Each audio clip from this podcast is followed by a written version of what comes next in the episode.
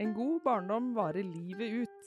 Barn og unge trenger å kjenne at de hører til, og at de kan være seg selv i miljøet de er i. Dessverre opplever ikke alle det. Vi i Ombudet for barn og unge i Viken jobber for en god barndom for alle. Hver dag hører vi om ulike utfordringer, og vi gir råd om hva som kan hjelpe. Ombudspodden er for deg som har barn, eller på en eller annen måte engasjerer deg for barn og ungdom. Her får du lære mer om barn og unges hverdag, i barnehage, skole, læreplass og på fritida. Vi byr på noen tips på veien. Kanskje blir du litt klokere. Denne episoden den skal handle om årsrapporten vår. Eh, den, vi, den ble vedtatt i fylkestinget i Viken forrige uke. Så vi skal snakke om innholdet der. Ikke alt, men vi skal løfte fram noen av eh, de hovedtemaene som ble løftet fram i innledningen vår. Um, med meg for å snakke om årsrapporten så har jeg Bodil Haug, som jo er leder for ombudet i Viken. Eh, og så har jeg Patrick Habian Bere, som er eh, medlem i eh, ungdomsfylkesrådet i Viken per nå. Og så skal du videre over i ungdomsrådet i eh, Akershus. Yes, Veldig hyggelig å ha dere med. Bodil, eh, det er tre sånne hovedpunkter som er eh, til undring og bekymring i årsrapporten. Og det ene er individfokus. Eh, hva er den gode skoleeier? Og etterpå, når alt er over, hva da? Kan du fortelle litt om hvorfor er det de punktene som vi har valgt å løfte opp? Litt fordi at uh, nå ser vi slutten på Viken. Vi er på slutten av en periode, så vi ville løfte opp temaer som vi har sett som en litt sånn trend gjennom de årene vi har uh, fungert i denne formen for uh, samarbeid. Og, men først og fremst så ser vi jo dette her med individfokuset uh, som en bekymring for hele samfunnet. At vi er opptatt av vårt og meg og mitt. Og vi ser også at det går utover noen store samfunnsprosjekter som det fellesskolen og felles oppvekst er. Fordi at uh, oppvekst skjer i samarbeid med andre, i sammen med andre. Det er i møte med andre vi bygger identitet og blir voksne. Og vi ser at uh, hvis fokuset er på min opplæring, mine rettigheter, så mister vi noe av det fokuset. Og det, det har vi sett litt på. Og så ser vi at uh, kanskje at skole og barnehage også tilpasser seg litt det. Og da mister vi noe viktig på veien. Så vi ønsket å løfte opp det som en, et punkt. Og så er det jo en del aspekter rundt det. Uh, for nå snakket jeg om de store linjene, som vi ser veldig godt. ene er gratisprinsippet, som jo pirkes i og trues på mange steder gjennom ulike, på ulike måter. Uh, det andre er uh, dette her med de aller mest sårbare. Hvor blir det av de når vi andre rusher fram. Uh, og så er det jo dette her med dette fellesskapet rundt identitetsbygging, skole, uh, idrett. Altså det å bygge dugnadsånden, da. Uh, at den er fraværende også i samarbeid rundt barn og unge. Så jeg, jeg, tenker at det er viktig å løfte det opp og se hvilke konsekvenser dette har. Russetiden er jo et eget prosjekt som vi jobber med i Ombudet.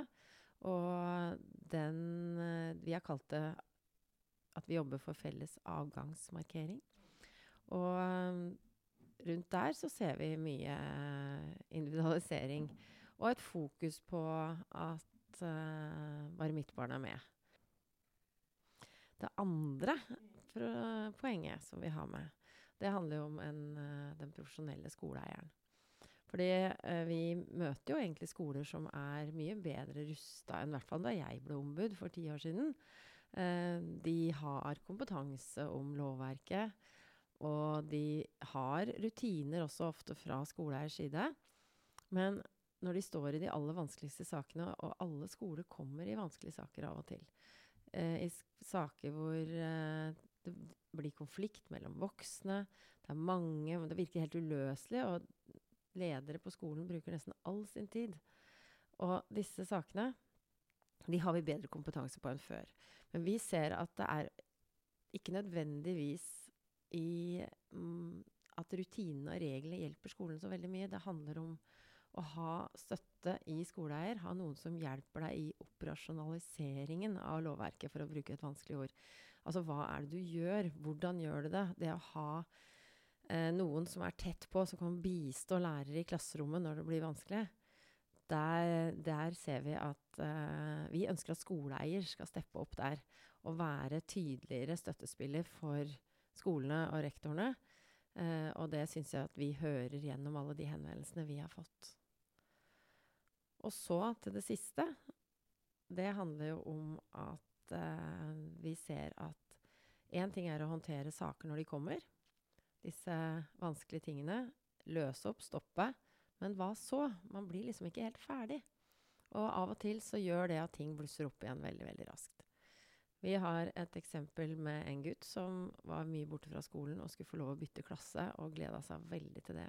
Og så fikk han ikke bytte fordi at da han gikk i tredje klasse, og dette her var fem-seks år siden, da hadde han gjort noe innmari dumt mot en elev.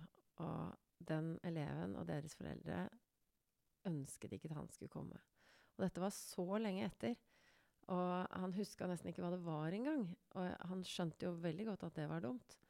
Men de hadde aldri fått snakka ut om den situasjonen. Og det, jeg synes det forstås et eksempel at vi må øve oss på den gjenopprettende praksisen.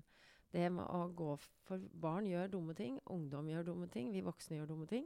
Og så rydde opp etter oss. Det å se hverandre i øynene og si 'dette var dumt', og så går vi videre sammen. Den kompetansen syns vi at vi mangler. Derfor vil vi løfte opp det. Yes. Godt oppsummert. Eh, hva tenker du, Patrick? Du skal slippe å få kommentere på, på, alt med en gang. Men er det ting du har notert deg eh, på de her tre punktene?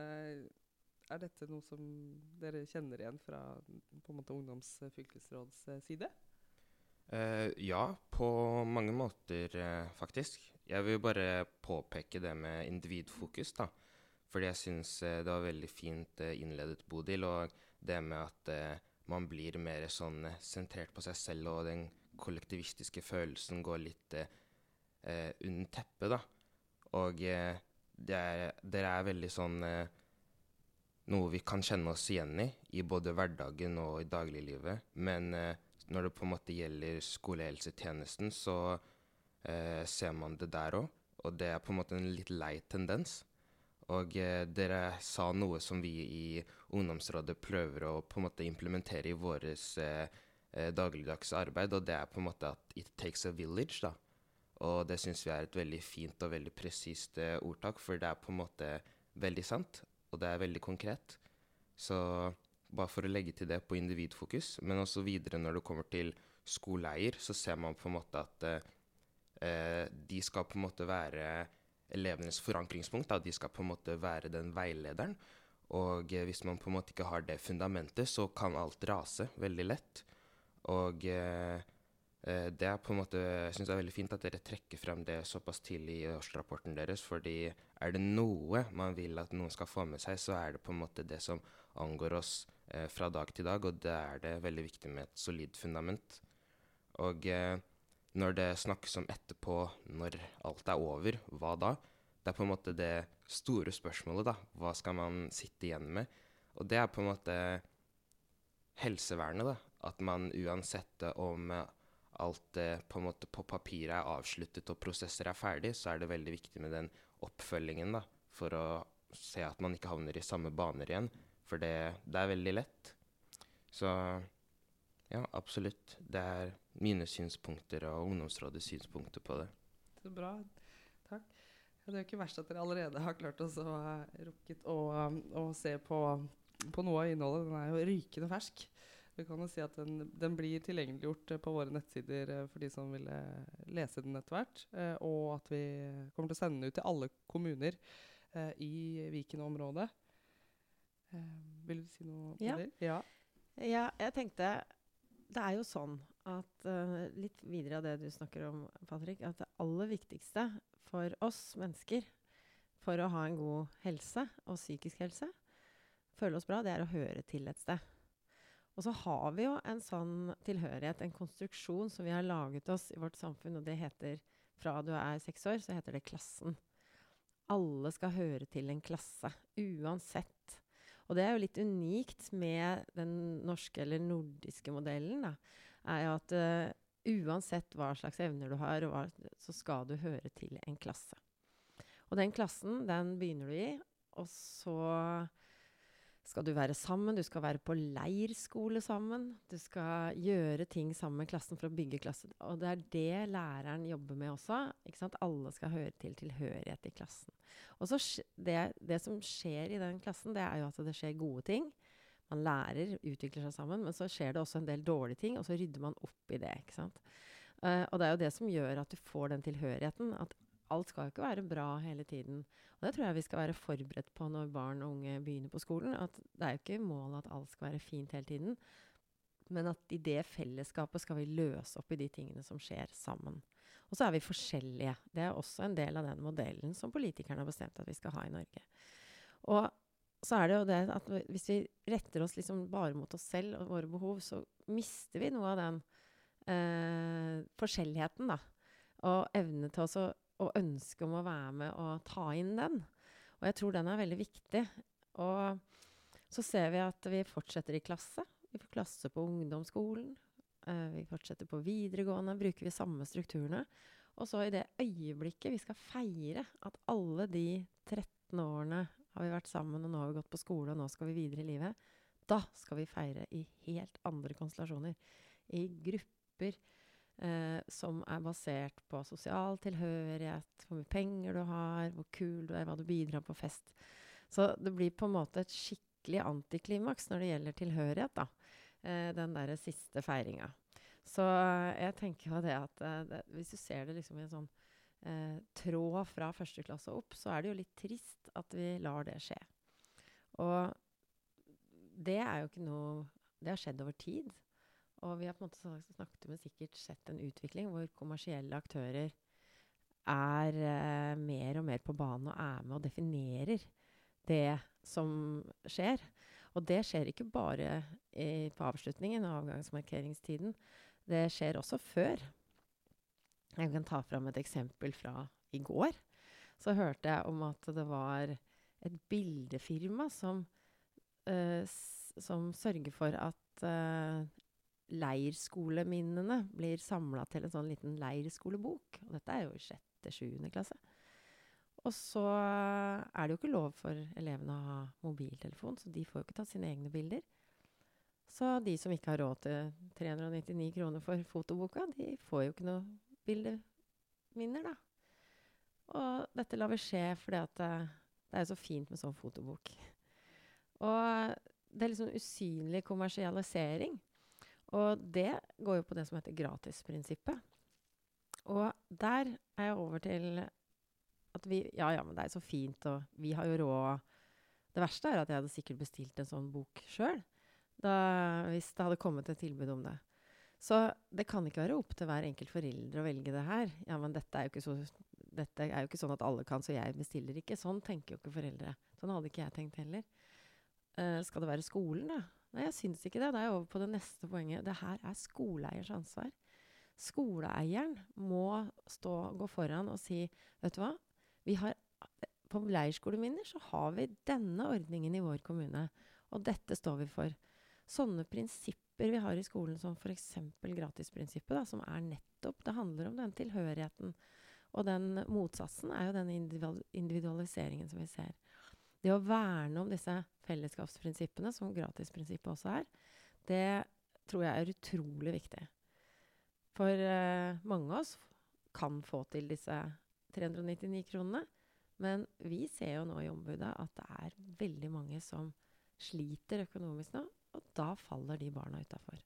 Så det kan ikke være opp til det enkelte foreldre eller barn. Det kan heller ikke være opp til skolen. Det må være skoleeieren som har et bevisst forhold til dette her, og lager rutiner for sine skoler, sånn at de er tydelige i møte med kommersielle aktører som ønsker å bidra inn og også tjene penger på det.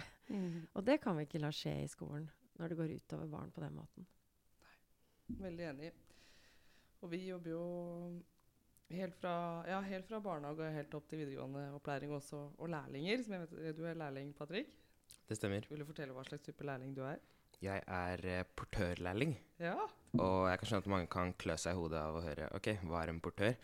Men eh, kort sagt så driver man med logistikk og koordinering da, på sykehuset.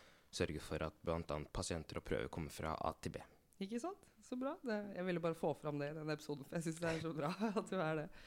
Uh, men ja, det jeg tenkte på, var at det der med å, å lære opp foreldre litt, uh, og kanskje allerede fra barnehage av, i på en måte at selv om hensikten er god, at man skal tenke seg nøye om også eh, Selv om jeg er helt enig at både barnehageeier og skoleeier har det øverste ansvaret. Men jeg bare hørte om et eksempel, en sånn høstfest da, eh, i en barnehage, eh, hvor barna hadde um, laga flott uh, høstkunst med blader og den slags. Og så var det utstilling eh, hvor da man kunne kjøpe da eh, sitt eget barns kunst. Og, men da var det innsamling til et veldedig uh, formål, så det er jo sant, en god, god, tanke. Men det også er på en måte, tenker jeg, da, liksom begynnelse på en, på en, en sånn type ubevisst ofte måte å, å, å ekskludere og sette mange familier eh, i ganske vanskelige situasjoner. Og at man blir litt vant til som foreldre at ja, men det er litt sånn som vi bare gjør det. Um, som, ja, som vi da, som du sier, tenker at uh, barnehager og skoleeier må være tydeligere og også sette noen gode rammer for. Så, um, så tidlig som mulig, egentlig. For det blir på en måte bare verre og verre oppover ja, ja. jo eldre barna det, blir. Ja. Nettopp det du sier, at det er jo i beste mening. Ja, ja, ja. Ikke sant? Alle disse tingene det skjer jo nettopp fordi at uh, man ønsker jo bare godt. ikke sant? Og det gjelder jo også disse turene til uh, hvite busser. Turene nedover til Polen og Tyskland. Mm. Det er jo veldig, veldig fine uh, opplevelser. Det er mye som er fine opplevelser. Men det, hvis det koster så mye som det koster, og man må spare, man må selge doruller Ikke sant? Man må gjøre masse, og noen familier ikke får til det, så er ikke det en fellesskapsopplevelse. Og det vi har fått henvendelser om i ombudet, er jo nettopp at mange foreldre eh, opplever at de ikke Det er så skamfullt da, å si fra. Så de velger heller å si at nei, vi har ikke, noe, har ikke tid akkurat da, eller kan dessverre ikke dra på sånn tur fordi at barnet mitt liker ikke å være, sove borte. Fordi at uh, utstyrskrav og kravene til å følge opp med sparing og sånn, det blir for mye for dem. Så jeg tenker at uh, skolen Vi har et gratisprinsipp.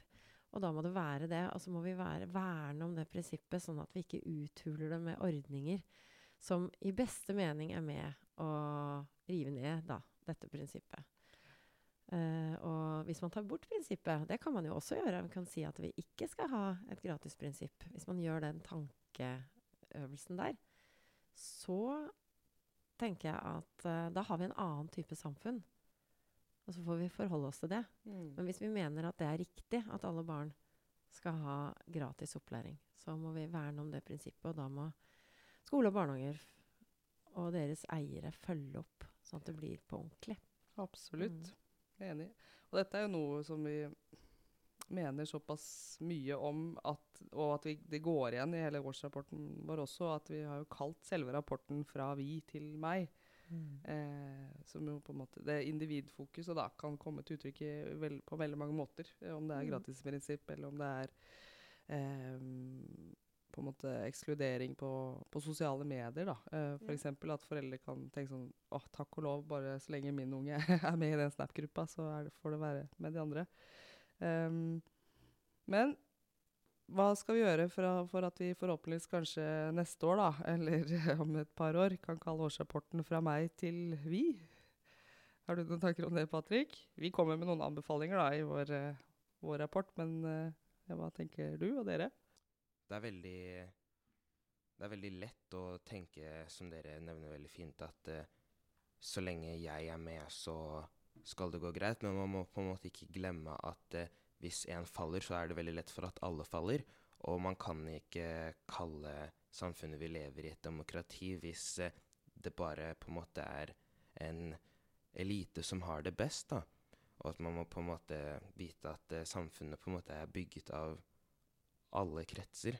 Eh, så jeg tenker for å på en måte tette det gapet, da, så må man begynne å se på en måte hva er det som former de gapene, og hva er det hva er det man kan gjøre på en måte fra grasroten da, og opp mot systemene igjen, for å kunne tilfredsstille alle de som bruker tilbud, men også for å bruke meningens, eh, eller det meningsmangfoldet i de som bruker tilbudene i en av større grad. Mhm. Absolutt. Men et spørsmål til deg, Patrick. For vi ser jo når vi er ute eh, og møter ungdom, så ser vi mange ungdom streve med å mene noe om noe annet enn seg selv. De syns det er vanskelig. Eh, ofte så mener de Jeg kan godt si noe om seg selv eller komme med statements. ser vi ofte at de snakker litt sånn statements. Det er kanskje fra sosiale medier. Det, det, det er som å spille pingpong med bare serv. Mm. Eh, men eh, det å mene noe eh, om politiske standpunkt, om de litt større tingene, da, det er det mange som syns er vanskelig. Og det er jo veldig skummelt for medvirkningen. For jeg tenker at medvirkning handler jo om å mene. Hvordan kan vi øve mer på det? Hva trengs, tenker du? Jeg tenker det handler om å kjenne på mestring, fordi som du nevner eh, litt innledningsvis, så er det veldig viktig at vi har tilhørighet. Mm. Men vi har jo også et grunnleggende behov for mestring. Og jeg tenker at eh, det er ikke Jeg tenker ikke at det er sånn at barn og unge nå til dags ikke vet hvordan man skal vise nestekjærlighet. Men jeg tenker at det handler om at eh, systemet vi på en måte fostres opp i, er lagt opp til at eh, vi skal tenke på vår egen helse framfor fa liksom, eh, framfor eh, det som på en måte gagner samfunnet. Og det å på en måte bli fostret opp i den eh, tankegangen der og det mønsteret der, skaper jo et negativt bilde. Og da kan vi heller ikke kreve at alle ungdommer skal mene så altfor mye om det som angår livet deres eh, på andre arenaer, da. Og jeg tenker at eh, lillesøstera mi, for eksempel, da, Mhm. som eh, nå starta på ungdomsskolen, vet er ganske bevisst på hvilke på en måte tråder som trekkes rundt henne. Og det er ikke det at jeg ville trodd at hun ikke brydde seg om det, men man, har på en måte, man føler at man har nok å stri med med det som angår en selv. da. Og da er det veldig vanskelig når f.eks. skoleeier ikke legger opp til engang at du skal kunne være med på medvirkningen og bli hørt. Så det går på en måte begge veier. Det er på en måte ikke så ensidig, det er ganske tosidig. Man må på en måte være litt lagspillere her. Og hvis uh, man på en måte forventer at uh, spissen skal skåre mål, så må noen gi assisten, ikke sant. Mm. Så det er på en måte det det går ut på. De må få en arena å øve på, ikke sant. Mm. Og der kan vi jo gå litt over på det med medvirkning. fordi eh, vi har jo et eget kapittel og et eget prosjekt på det også, som det står litt om her. Og uh, vi ser jo at, uh, at det med medvirkning er veldig variert, da. Noen steder så er de kjempeflinke, og det handler jo om mye mer enn elevråd. Det handler jo om å gi plass til å øve da, på meningene sine i klasserommene, i fellesskap. Det å kjenne på at noen er uenig, og likevel være venner, f.eks. Altså, jeg syns det er så fint det ordet som heter uenighetsfellesskap. At vi kan være knakende uenige og likevel være gode venner. Eh, og eh, jeg tenker jo at det er ikke noe som kommer av seg sjøl. Men så ser vi, sånn som du sier, da, at eh, noen skoler har eh, klassens time og har det fast. Veldig struktur på det.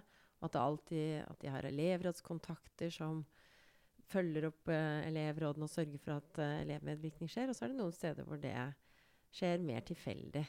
Hva tenker du? Er, har du noe erfaring på det? Det vet, det vet jeg du har. Masse. Hva er det som skal til? Hva tenker du at eh, Hva skal vi gjøre de neste årene for å få det skikkelig bra?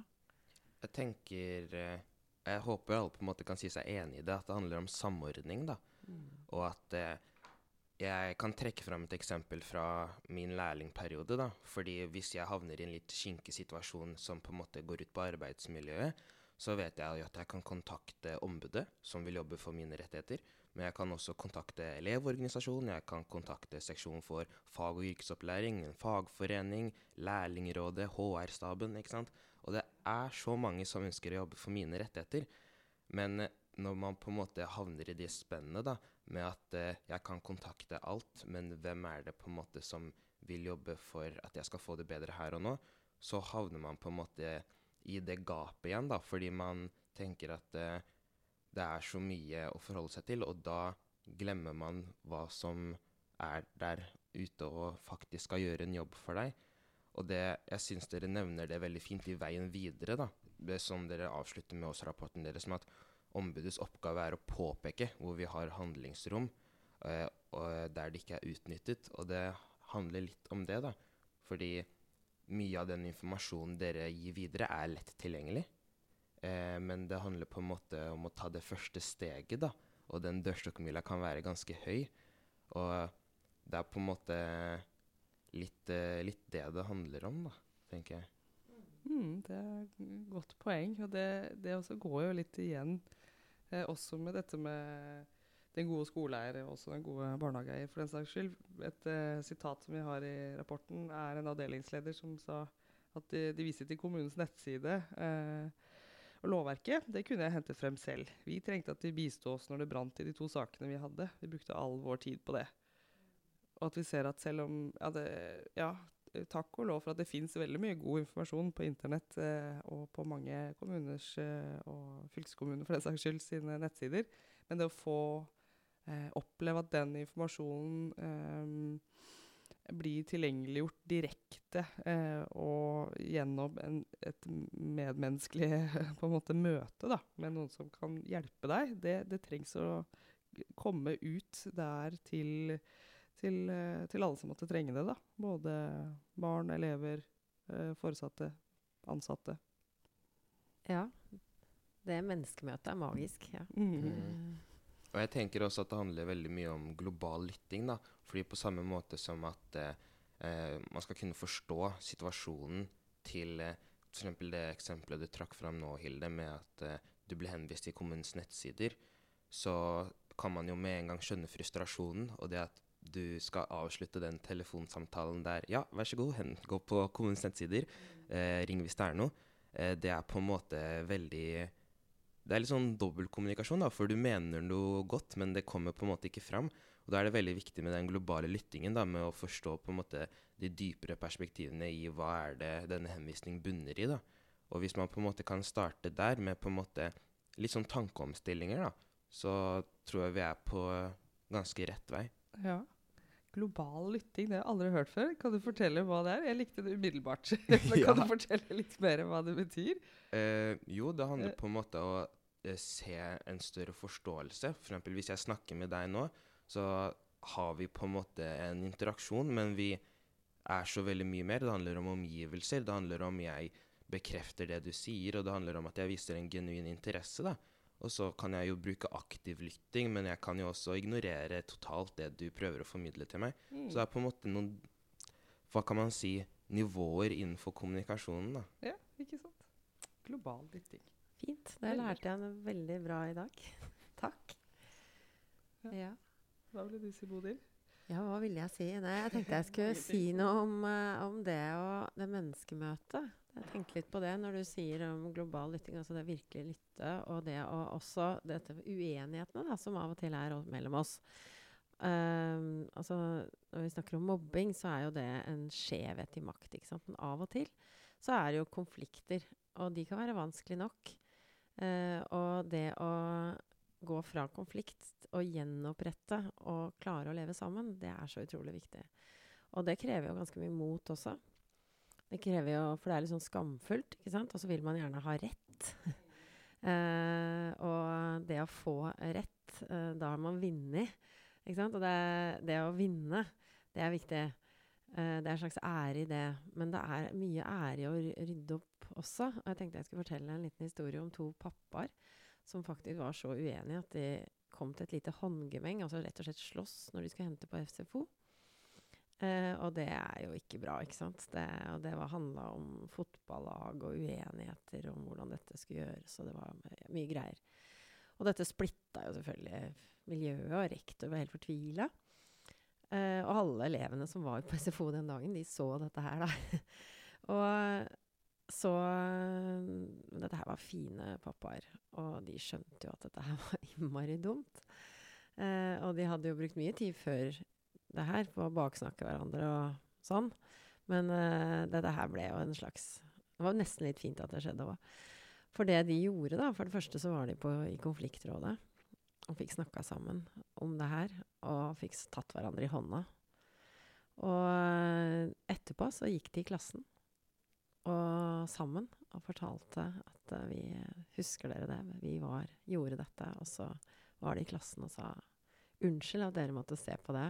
Og viste at de nå står vi side om side. Og maken til modellering har vi nett, neppe vært med på. Jeg var ikke der selv, men fortal, rektor fortalte om det. Og det, det, er flott. Og jeg tror det at vi må modellere sånn mye mer. Eh, vi trenger den kompetansen det er å rydde opp i når noe blir vanskelig, og vise at uh, her står vi sammen. Og vi er ikke enige om alt, men vi står sammen likevel. Og når voksne gjør det, da får barn det til også. Uh, men hvis vi går i skyttergrava vår og snakker hverandre ned, da gjør barn det òg. Så barn gjør sånn som vi voksne viser, ikke sant. Og gjør. Så jeg tenker at, uh, at vi må kanskje modellere mye mer. Og så må vi tørre å vise når det er vanskelig. Men jeg synes, anbefaler ikke å slåss, altså. men, eh, men uh, vise når det er vanskelig, og så vise det også at uh, dette får vi til. Og den stoltheten, altså det er å være stolt av. Det kan de være stolte av, det.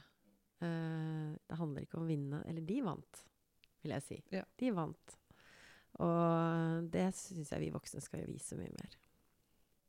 La oss snakke litt mer om eh, foreldre- og foresatte-rollen. fordi det går jo litt igjen i, i, rapporten vår når vi beskriver kanskje særlig på henvendelsene vi får da, på både barnehage og, og grunnskole og videregående opplæring også. At, eh, og det er jo viktig å si da at vi opplever jo at eh, foreldre stort sett ønsker jo bare vel, men at de også er preget av vårt mer og mer individualiserte samfunn. Og du sa det i stad, Patrick, eh, med tanke på at dere blir liksom fostra opp til å tenke veldig på egen helse og egen eh, Ja, hvordan man, man har det. Eh, litt på bekostning av fellesskapet, da. Eh, skal vi snakke litt om det? Hva vi kan gjøre, gjøre med det, og hva vi, vi opplever i, i, de henvendelsene vi, vi får? Um, hva tenker du, Patrick? Eh, fordi det er jo litt Det er jo veldig bra at ungdom forteller at man stort sett er veldig eh, fornøyd med foreldrene sine. Ungdatatallene viser jo det. Eh, men samtidig så trenger vi jo da at man eh, eh er litt mer opptatt av alles barn. Mm. Mm. Jeg tenker på en måte at det er en del av å tenke helhetlig, da. At man eh, må tenke at eh, ringvirkninger har en effekt. Og det er som f.eks. det ene eksempelet ditt, da, Bodil, med at hvis man ser og er vitne til noe, så blir man et produkt av miljøet sitt. Og det er bare en helt naturlig effekt, og man kan ikke tenke at uh, å klø seg i hodet og tenke hva, hva, er det her for noe? For da må man på en måte gå tilbake i sporene, da. For alt har på en måte en rot. Vi ser jo at uh, elever eller barn uh, forteller at de ble mer og mer fornøyde med foreldrene sine. Og ikke minst eh, foreldrene er mer og mer fornøyde med seg selv.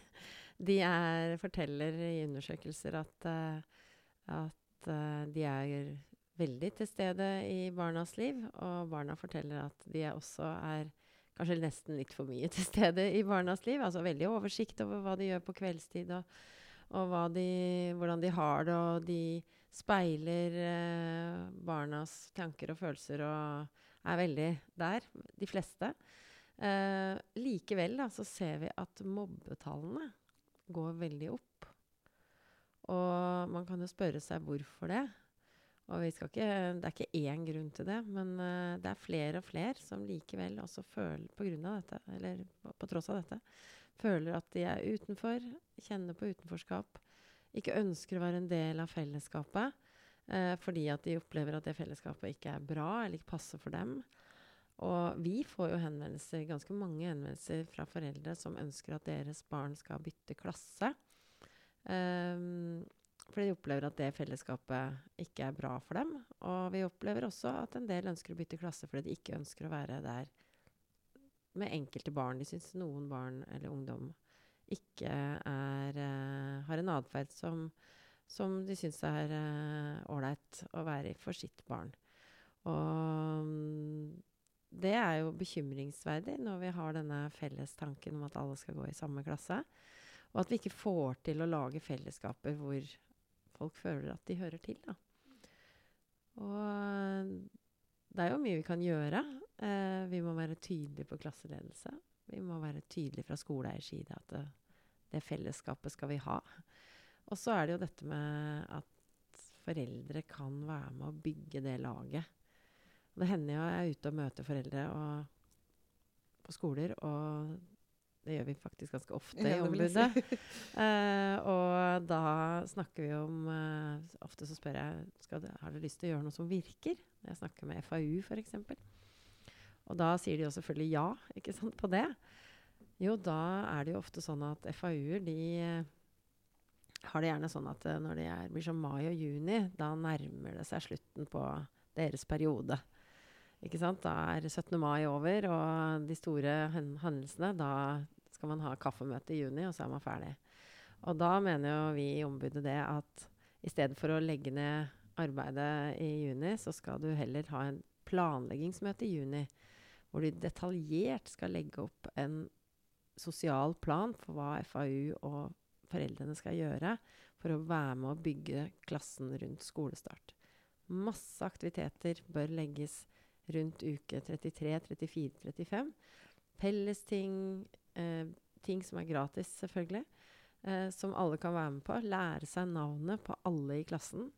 Eh, være til stede og tilgjengelig for alle i klassen, så man snakker med barn på tvers av vennegrupper og hva de liker å gjøre i fritiden og sånn. Og dette kan man gjøre også på ungdomsskolen, og til og med på videregående skole er det fullt mulig å gjøre sånne ting, selv om man ikke har FAU der. Så eh, det å stille opp da, det virker. Absolutt. Og støtte rundt det skolen gjør på, sko i skoletiden, og gjøre det på fritiden. Men det betyr at man må velge bort en del andre aktiviteter.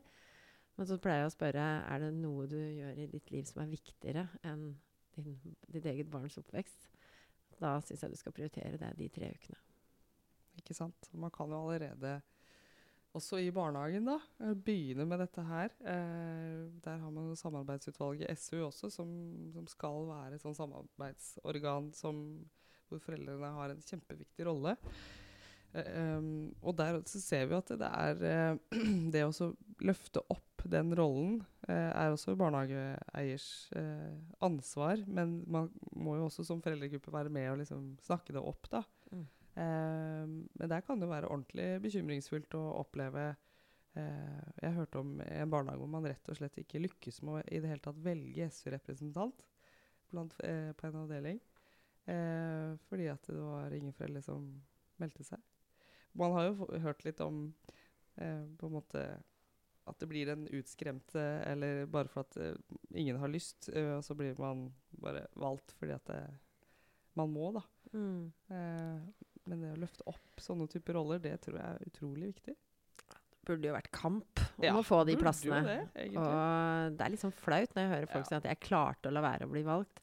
Jeg satt på hånda liksom, og sier at det er ikke humor for meg. Og det, det- det er eh, Jeg tror vi trenger alle typer foreldre i de rådene. Og det er så viktig at, at jeg tenker at eh, Og de som er, sitter i FAU, det er ikke de som skal gjøre jobben. Det er jo alle. Alle skal gjøre noe. Det er ingen som har en så viktig hverdag at de ikke kan være med og bidra i det. Så det er eh, Det burde, ja, det burde mange flere prøve, for det gir mer, mye mer enn det tar.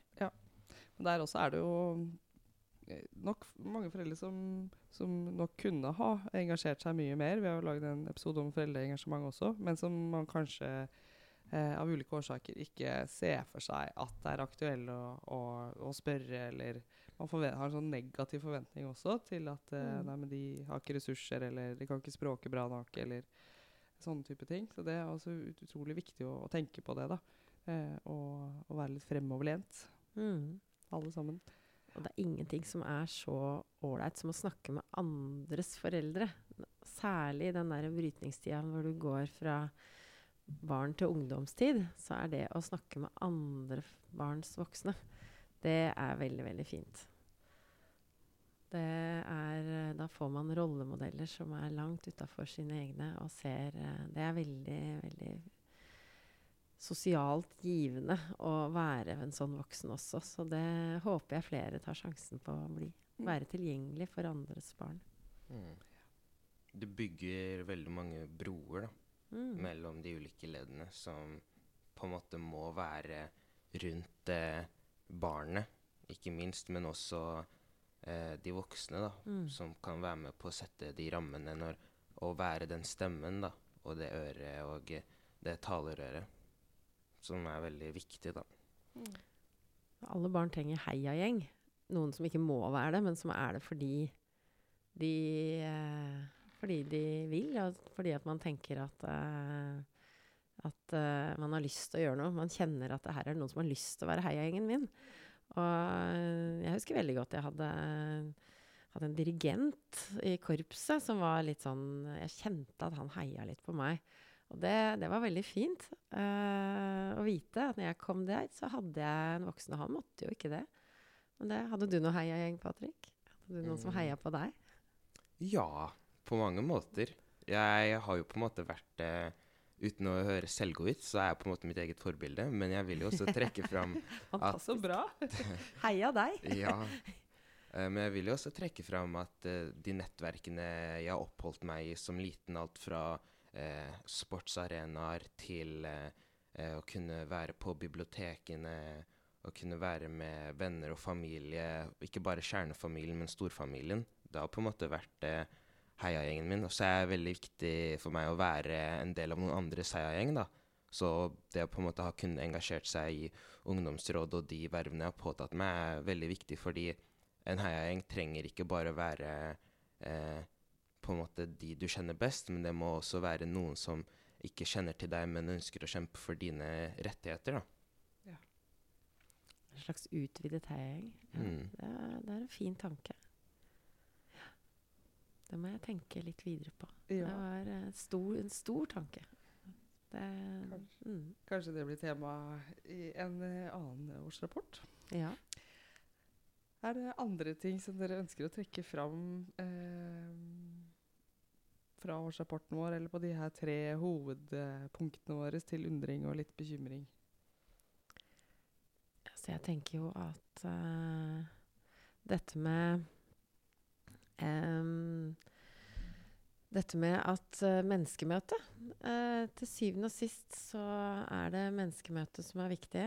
Uh, det er viktig når man har det vanskelig. Det å få lov å høre til. Da er det jo nettopp i møte med andre mennesker man kjenner at det hører til. Og i dette vi, når vi snakker om skoleeier, altså når skolene står i de store sakene, så er det å ha, få noen som kan bistå. Mm. Ikke bare nettside, men kompetanse via mennesker. Og til syvende og sist da, dette med gjenopprettende praksis, så handler det også om å se hverandre i øynene og, og si at eh, nå går vi videre sammen.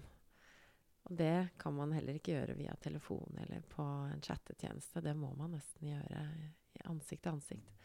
Så jeg vil slå slag for menneskemøtet. Det er jo der det magiske skjer. Mm. Ordet er jo på en måte eh, Det er makt, da. Og hvis man ønsker å ha en reell eh, medvirkning, så er det veldig viktig å ikke bare lene skuldrene på eh, kunstig intelligens, da, men også å eh, på en måte holde fast ved det man har hatt fra dag én. da. Fordi hvis man skal på en måte tenke litt bærekraftig da, og fremtidsrettet, så er det på en måte det som er sosial bærekraft i praksis. Og jeg vil bare trekke litt fram det med du sa i starten, eh, Bodil, med at eh, eh, mobbetallene går opp. Mm. Og man ser det med overlappingen 90% Kan ikke du ta den, Hilde? Hva var, det, hva var de tallene igjen? Tenkte du på overlapp med Ja. digital mobbing? Ja. Ja, nei, at vi ser jo det i henvendelsene våre, og som også Universitetet i Stavanger sin forskning viser, at det er ca. 90% overlapp mellom det som skjer ansikt til ansikt Mm. av eh, mobbing eh, på en skole f.eks., og det som da skjer digitalt. ja. Så eh, det er jo lett å, å tenke at det er to veldig sånn atskilte verdener, men det, det, heng, det er veldig sammenvevd, sånn som vi, lever, vi lever og samfunnet er organisert. da. Mm. Og jeg tenker på en måte at det henger veldig mye med at det, det er flere varslinger nå. Og det er på en måte mer som blir sett. Og det er jo eh, i seg selv en god ting, at ting ikke feies under teppet lenger. Eh, men jeg tenker at eh, hvis eh, vi skal nå der, da, at vi vil at det skal være reell nulltoleranse for mobbing, og at vi på sikt da skal havne i de sporene som vi snakker om nå, da, eh, så tenker jeg at eh, det er, oi, det er en opptrapping i disse mørketallene, så er det veldig fint å tenke at eh, OK, det kan hende det er eh, fordi det er eh, faktisk eh, at det skjer veldig mye negativt på disse feltene. Men det kan jo også hende at det er fordi de mellommenneskelige nivåene funker. da, At vi faktisk tør å rapportere inn mer. At vi ikke feier ting under teppet. Og det er på en måte et produkt av at vi mennesker snakker sammen, at vi mingler, at vi tør å trekke inn eh, noe som har vært ukjent for oss. da. Det er en utrolig konstruktiv måte å se det på. Og det, det vil jeg berømme deg. Det tenker jeg at uh, Det at vi vet mer om mobbing, det at vi kjenner på at dette er en sånn følelse, og sånn skal ikke jeg ha det, det tenker jeg er en bra ting at vi sier fra om. Uh, så det skal vi holde fast med. Vi skal ikke la være å rapportere. Men uh, så er det jo det med å, gjøre det, da. Hva gjør vi det med det? Og det, løsningen der ligger i fellesskapet, tror jeg. Og da må vi verne om fellesskapene våre. Og løfte dem og styrke dem. Og da må alle være med og bidra, da. Mm. Og jeg tenker at mye eh, av det vi har å lære av, er på en måte det som er fremmed for oss. da. Og at eh, det ikke nødvendigvis er den som ser mest ut som deg selv, som er den som skal gi deg det du søker og leter etter. Uh, og det på en måte ha den baktanken, spesielt når det gjelder individfokus, da, uh, tror jeg er veldig gull verdt. da. Fordi det å på en måte, som jeg sa i stad, at ord har makt, det ligger jo i hvem som på en måte sitter med den definisjonsmakten. Og at vi på en måte, hvis vi alltid skal prøve å leve etter en standard, så kommer vi aldri til å komme ut av den individfokusbobla. Uh, og det tenker jeg er veldig viktig. da. Jeg har jo røtter fra Rwanda, og jeg har lært uh, veldig mye av mine rwandiske røtter, men som jeg også kan ta med inn i de norske kulturene og verdiene jeg har lært. Da. Og det å på en måte alltid se den parallellen der og på en måte tenke litt tosidig har hjulpet meg veldig mye. Og det er på en måte en litt sånn oppfordring som jeg vil ha til eh, alle som jobber med barn og unge, og alle de som eh, omgås de i hverdagen.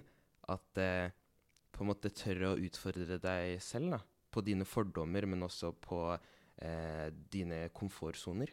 For det vil skape gode ringvirkninger. Så enig, er vi ikke, Bodil? Ja, veldig ja. enig. Jeg syns nesten det skal få lov å være siste ord. Ja, det, altså, det var så bra sagt. Vi må litt ut av komfortsonen.